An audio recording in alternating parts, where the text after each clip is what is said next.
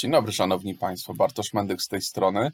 Dzisiaj chciałbym kilka słów powiedzieć o ustawie o dostępności cyfrowej, bo dostałem bardzo ciekawe pytanie, które teraz e, przytoczę. To jest pytanie z pogranicza informacji publicznej i dostępności cyfrowej. I pytanie brzmi tak, że na naszym BIP-ie są publikowane wnioski odpowiedzi na informację publiczną, czasem także z załącznikami w formie skanu decyzji administracyjnej.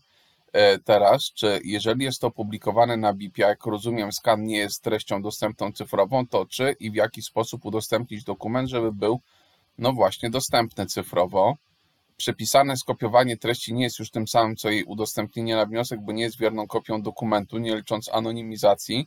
Ustawa o dostępności nie za bardzo daje możliwości wykręcenia się z tego, bo mówi o treściach opublikowanych od 23 września 2020 roku, a nie wytworzonych a publikowane są wytworzone czasem dużo wcześniej, bo zaraz dojdziemy do absurdu, że chcemy coś publikować, a nie możemy w obawie, że ktoś zarzuci niedostępność cyfrową. Więc, Szanowni Państwo, żeby tutaj zwrócić na to uwagę, to, mm, to odpowiedzieć na to, to na kilka rzeczy chciałbym podnieść. Po pierwsze, polecam Państwu, czy zachęcam do czytania moich artykułów we wspólnocie, które na ten temat poświęciłem.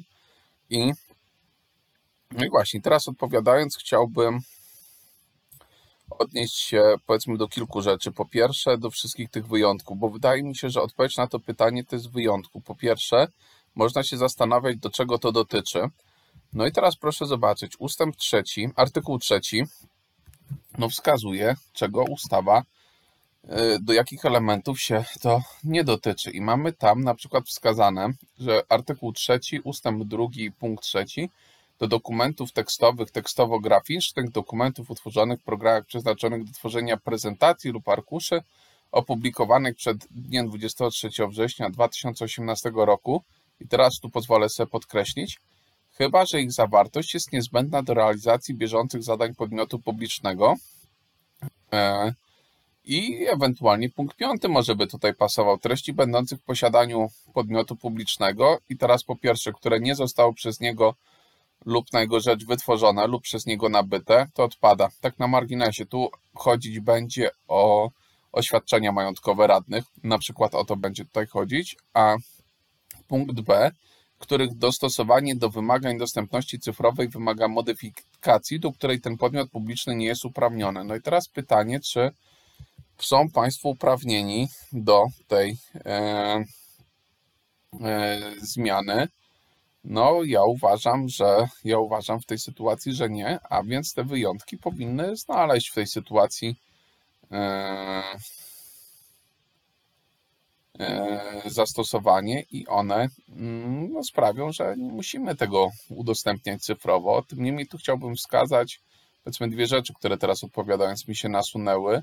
No, ogólna zasada jest taka, że coraz ciężej będzie uciec z tą dostępnością cyfrową, no coraz bardziej im więcej rzeczy publikujemy, no właśnie dostępne cyfrowo e, powinno być, ale ja tu chciałem bardzo mocno Państwa zachęcić do przeczytania nie tylko ustawy, ale uzasadnienia do tej ustawy, bo w uzasadnieniu znajdziemy bardzo ciekawe e, interpretacje, jakie ustawodawca poczynił, a więc na przykład wskazuje, no to co wskazałem, że treści do tych wyjątków, na przykład przez niego wytworzone albo przez niego nabyte. No właśnie, i tam kawa na ławę jest napisane, że chodzi na przykład o oświadczenia e, e, majątkowe.